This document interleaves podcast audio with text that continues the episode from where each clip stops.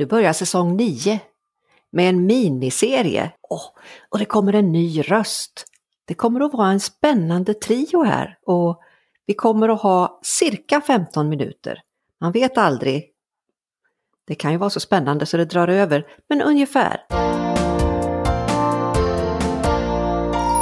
Varmt välkommen till min podd Viktigt på riktigt by Karin Coach. Och vet ni vad?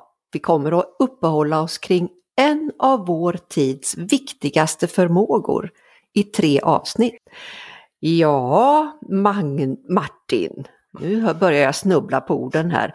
Martin, är du där? Jag är här, jag har stålsatt mig för att navigera inspelningen i cyberrymden. Oj, oj, oj. Eh, vi har ju en trestegsraket framför oss. Och du är ju min co-host och vi har ju också någon annan med oss. Och du säger trestegsraket och jag vet att det är en kille från Hammarö, Marcus Wandt. På Hammarö bodde vi i 35 år och han ska ju verkligen ut i riktiga rymden här den 17 januari om allt går som det ska. Så det är ju spännande i sig. Men hörni, ni är väl jättenyfikna på vem är det som är på gång in här? Jo, det är ingen mindre än min käre kollega Magnus Österman. Hej och välkommen! Hej Karin! Vad kul att du är här. Kan du inte berätta lite om dig själv? Vem är du? Ja, vem är jag? Eh, rent professionellt om jag tar det så kan man väl säga att jag jobbar som VD eh, för Eurocademy Leadership Institute. Jobbar med ledarskap på både individ, gruppnivå och företagsnivå. Vi har funnits i 40 år. Så det här wow. är en stor bit som jag eh, brinner för. Sen liksom du Karin så jobbar jag med professionell coaching. Yes. Där jag har mitt egna företag som heter Mindheart Company for Life. Mm. Och där jobbar jag också med ledarskap men framförallt lite också mer mot inriktning personlig utveckling, eh, well-being, det här begreppet ja. som är på många, läppars, eh, många läppar just idag. Jag har en bakgrund, om att jag bakgrund, jag är civilekonom från 80-talet, jobbat eh, många, många år eh, som man säger, som managementkonsult eller verksamhetsutveckling i stora och mindre företag över alla sektorer. Så. Mm. Och sen har jag också en liten udda grej som jag kan vara värt att nämna kring det här att jag har en sex års eh, universitetsutbildning inom teologi och religionsvetenskap som också är ett, på, jag ska inte säga lite mer hobbynivå men ändå ett väldigt stort intresse för den typen av frågor. Oj, här står jag, de ser ju inte, ni som lyssnar, ni ser ju inte oss, kära lyssnare, välkomna hit 2024 och alltihopa. Vi ser varandra nu och eh, wow säger jag. Magnus, vad intressant att höra din presentation och jag har ju fått rysningar här direkt när du börjar berätta. Och jag vet att du har ju ytterligare en hemlis som vi kanske får höra på slutet vad vi nu hinner. Det här ska ju inte kännas flåsigt men vi har ju valt att ha ett spänstigt format och då gäller det att inte dra iväg för mycket och prata. Eller hur? Vad säger du om det Magnus? Nej men det är rakt på sak, det är viktiga saker vi ska ta upp. Ja, exakt. Och Martin, jag går helt enkelt vidare och, och vill höra med, med Magnus. Vad, vad är det vi ska prata om egentligen? Ja, i din trestegsraket som du eh, pålyste ska vi prata om det här med resiliens. Mm. Vad det är, vilket värde det ger och, och, och hur man kan bygga eh, resiliens. Och om man kort bara väljer att rama in vad det handlar om så kan man väl säga att det handlar om förmågan, din förmåga att hantera utmaningar i livet eh, mm. på ett positivt och konstruktivt sätt. Så. Och, eh, och Karin, det ordet resiliens som har börjat dyka upp mer och mer. Vet mm. du när det började liksom användas lite mer eller börja på kom, komma på tapeten? Ja, alltså för sådär 10-20 år sedan när man verkligen började titta på klimatfrågan så användes det mer inom miljö sammanhang, klimat och miljö. Och sen blev det lite sådär överfört som många gånger vår, i vår tid begrepp blir. Att det mm. förs mm. över från en, ett område till ett annat. Och då blir man så här lite, oj, vad betyder det i det här sammanhanget? Och det är det vi ska försöka reda ut. Precis, och det är helt rätt att det började i slutet på 80-talet när de här frågorna kring klimat kom på tapeten. Men sen har det, som du säger, glidit över till resilienta samhällen och det är på tapeten mm. nu när vi står inför en ökad krigssituation, att samhället ah. behöver vara motståndskraftigt. Sen har det också då flyttats över allt mer till individnivå också. Så mm. det är ett begrepp som, som rör sig på de här eh, nivåerna. Så. Mm. Ja, och som du säger på individnivå, på grupp och på samhällsnivå. Och du beskriver det verkligen jättebra. Och här kommer ju podden till sin rätt igen med att man kan lägga ut texten lite. Man kan beskriva lite mer än vad man klarar av i ett skrivet format. Och sen är det ju det här med ordet som är lite knepigt. Det är svårt att stava och ja, allt möjligt. Och, och jag tänker Martin, vad, vad, vad säger du om det här med resiliens? Ja, det är ju ett nytt ord att lära sig men ändå har man hört det och det har väl troligtvis ett utländskt ursprung. Och jag tänker då som arbetat inom, på, i frivilliga organisationer och som mm. prepper och även mm. startade en podd som heter Hemberedskap med Annette och Niklas. Så när jag sökte på det så var ju MSB någon utbildning någon bok eller något annat. Det var det bland det första som kom upp. Ja. Och sökte man på uppslagsordet så stod det just det här om tankar om det här naturen och omgivningen men då att det har utvecklats och andra områden. Så det var därför jag sa stålsätta mig i början, alltså den här rustningen, försvara sig. Men då som Magnus när du sa det här att på ett positivt sätt, för det är inte bara försvar utan tänka utveckling också. Mm. Ja. Och, så. Vad säger helt... du Magnus? Ja, man kan väl, jag håller med om att ordet eh, resiliens eller resilience om man ska mm. prata e engelska. Men det intressanta är ju att titta på betydelsen för det här lite märkliga mm. ordet. Och man kan väl konstatera att som många andra ord så, så är ju inledningen på ordet, eh, det vill säga re, eh, mm. lite intressant tycker jag. För att det, det kopplar ju lite till det här med returnera, det vill säga att restaurera eh, mm. eller renovera. Så det finns en hel ordstam i, i, i vårt språk som har just ordet re, eller hur Karin? Ja, och där är det ju så att ni har att göra med en språknörd. En veritabel språknörd som gillar att gå in på detaljer och eh, har ni hört talas om det fantastiska begreppet morfem? Det kan ju låta nästan lite dystert, men det handlar om den minsta betydelsebärande enheten i ett språk. Där re står för åter. Det är någonting som skickar åter. Returnera, reparera. Och det här är ju så spännande. Så frågan är vad är det som ska skickas åter i resiliens? Eller det andra ordet resistens. Jag mm. älskar ju det här. Så här gäller det ju. Vet ni vad grabbar? Jag har ju glömt att dra upp äggklockan. Så frågan är Martin, kan du se hur länge vi har pratat här nu? Så jag kan ja. sätta in tiden. Vi ja, ju... det är ungefär tio minuter och nu när du sa ah! det så, så gäller det att remember. Ja. Komma ihåg det. Mm. Ja, vi har pratat och, i tio minuter redan. Ja. Men då Karin kan vi köra på här och kan man säga att det jag tycker är intressant lite om vi knyter an till ordet resiliens kopplat till resistent. Ja. Eh, och du, du Martin var ju inne på det med stålsätta. Jag tycker att bara kort kort kan man uppehålla sig för just de här eh, polerna att vara resilient eller resistent. Jag tycker det ja. ramar in väldigt mycket för att du sa stålsättare eller kanske lite mer att vara resistent, det vill säga att ha en yta, eh, ett skal där mm. allting mm. så att säga rinner av dig. En mm. skyddsutrustning kan man säga. Mm. Men ordet resiliens har en, en djupare betydelse i form av att där är inte det kanske skalet är viktigt utan det är hela din så att säga förmåga att vara flexibel. Så att om du får en hård smäll så går inte skalet sönder precis som ett ägg utan du har en, en, en, en, eh, en buffert kan man säga.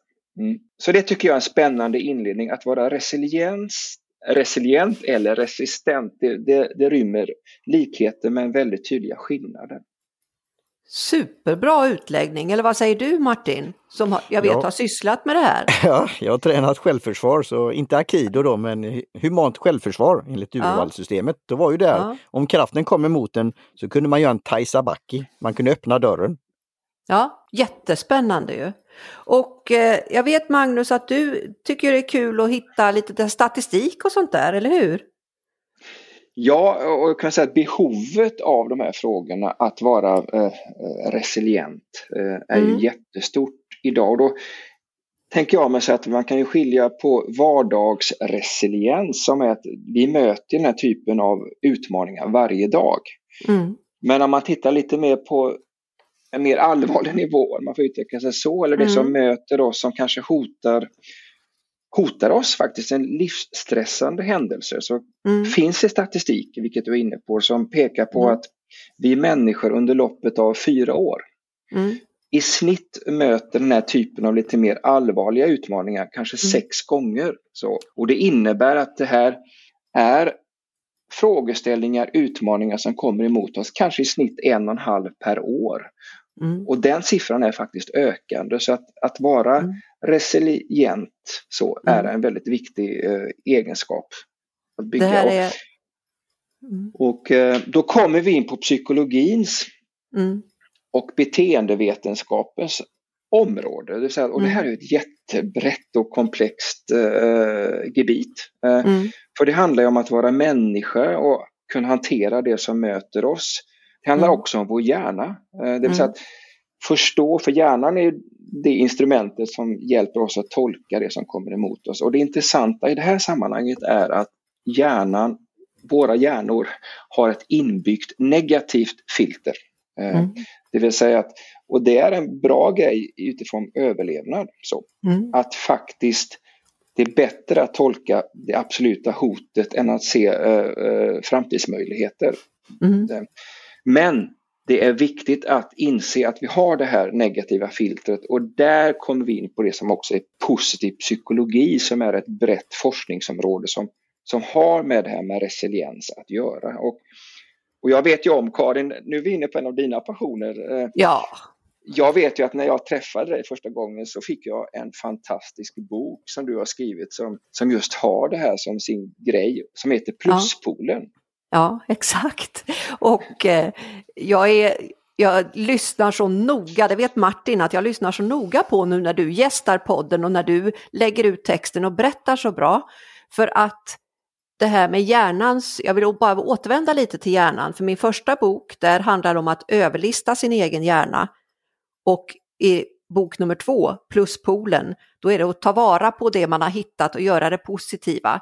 Det är min lilla koppling där bara, men hjärnan den har ju som uppgift att spara energi. Och det här med att tänka nytt och våga och så, det tar lite energi.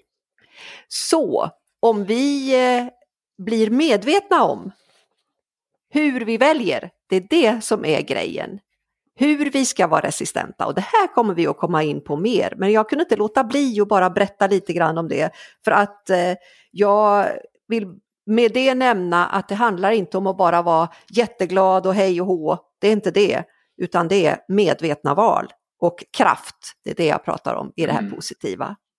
Så jag ska göra så här, gott folk, att jag vrider upp klockan lite till så vi inte störs av när det är dags att eh, ta äggen eller vad vi ska kalla det. Den får gå en stund till helt enkelt.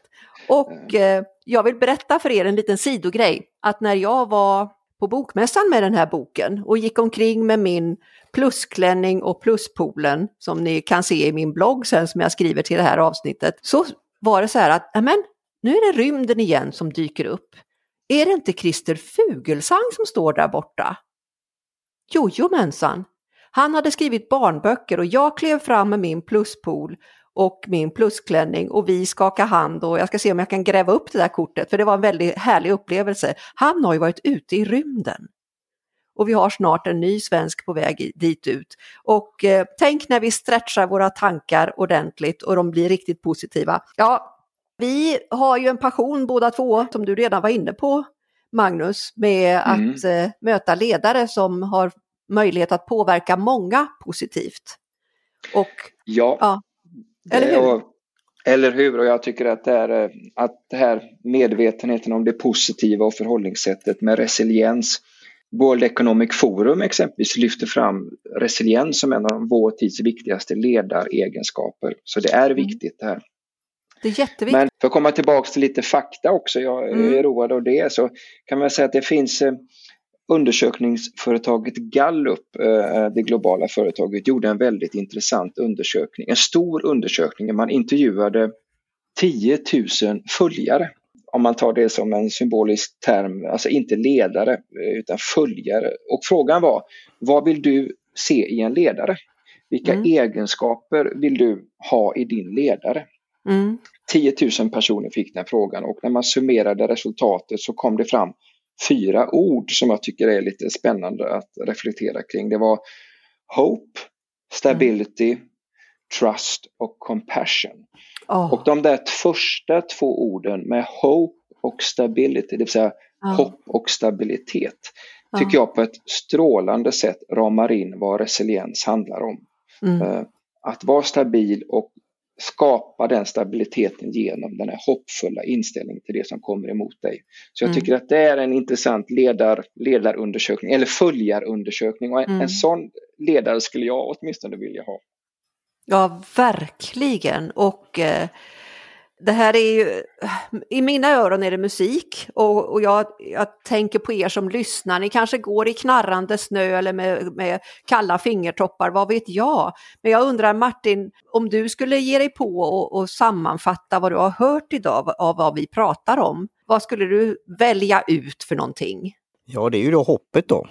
Mm. Då, är, då direkt är det att inte låta negativ, men det var det som händer just här och nu i världen. Då mm. hade ju det spridits på sociala mediekanaler, bland annat den här tjänsten TikTok och barn mm. hade reagerat på det. Mm. Så hopp och stabilitet och, mm. och, se med tillförsikt. Men då mm. att kunna rusta sig också. Mm. Det tar jag med mig. Mm, ja, härligt, tack för din sammanfattning där. Och, och vad, skulle, vad tror du, vad skulle vara intressant att höra om i nästa avsnitt, i nästa lite stretchade ja. kvart? Ja, det hoppar i nästa kapsel då, nummer två. Och sen då se vad kan jag ha det här, vad, vad kan jag göra med det? Vad finns det för mm. värde för mig som individ? För det är där du får börja. För sen kan du ah. gå till organisation, företag, you name it. Men du måste ju mm. starta med dig själv. Vad, vad kan det vara för fördel att vara resilient? Och, ja. Som ni har så fint beskrivit, att förstå kognitivt vad det innebär, det här med mm. begrepp. Mm. Det tycker ja. jag var väldigt givande att lyssna på det. Så det, ja, Ja men tack och vad, vad roligt för det, är, det blir nästan som en sån här elegant P3-övergång till vad Just. vi tänker oss i nästa avsnitt för då kommer vi att prata om värdet av det här. Så om man nu är jättenyfiken på, på dig Magnus Österman, var hittar man dig då? Ja, man kan ju googla på mina företag Eurocademy Leadership eller Mindart Company for Life. Men det enklaste skulle jag vilja säga är att kanske googla på mitt namn för då dyker de här länkarna upp. Magnus Österman kan du stoppa in i, i, i söket. Och som du inledningsvis sa där så, så kan det hända att i, i, i, i svarslistan där så dyker det upp en liten udda fågel. Mm. Jag finns också på Wikipedia som en av dem som på 80-talet startade Sveriges första New Wave of British Metal hårdrocksband. Men det är samma Magnus Österman som jobbar med ledarskap. Nu talar vi om den lite är... spänst, spänst och räckvidd. Wow! Den är bra, för det, internet glömmer aldrig. Så Karin, var hittar man dig? Sen kan ju saker försvinna på bloggar och annat, men man hittar ja. dig i cyberrymden också. ja, det gör sätt. man. Och då är det bara att knappa in www.karincoach.se. Och jag brukar säga, gör som andra, call Karin coach. Då händer det grejer. Martin, du då, var är du? Ja, det är samma. Jag har ju då ett rätt så unikt efternamn, så Lindeskog med ett E, mm. Lindeskog. Söker man på mm. det så hittar man allt möjligt på nätet. Men annars Kul. går man in då på teaparty.media. Mm. Teaparty.media. Tack! Och jag har vridit på äggklockan och tiden har gått. Jag hoppas att ni kära lyssnare är nyfikna på nästa program och att ni hänger med oss. För det här ska bli så jätteroligt att få fortsätta och fördjupa sig i vad, res vad resiliens är och vad det ger oss. Och jag undrar om ni grabbar är beredda för min eh, traditionella outro, hur jag brukar avsluta det här. Är ni det? Ja, kör. Ja, jag yes. kör min, för dig som är nytillkommen lyssnare så brukar jag avsluta med min egen travesti på Spanarna på Hill Street kära lyssnare och ni som är med här. Låt oss tillsammans gå ut och göra världen lite vackrare, lite bättre och lite roligare, för du är ju där! Hej då! Hej då!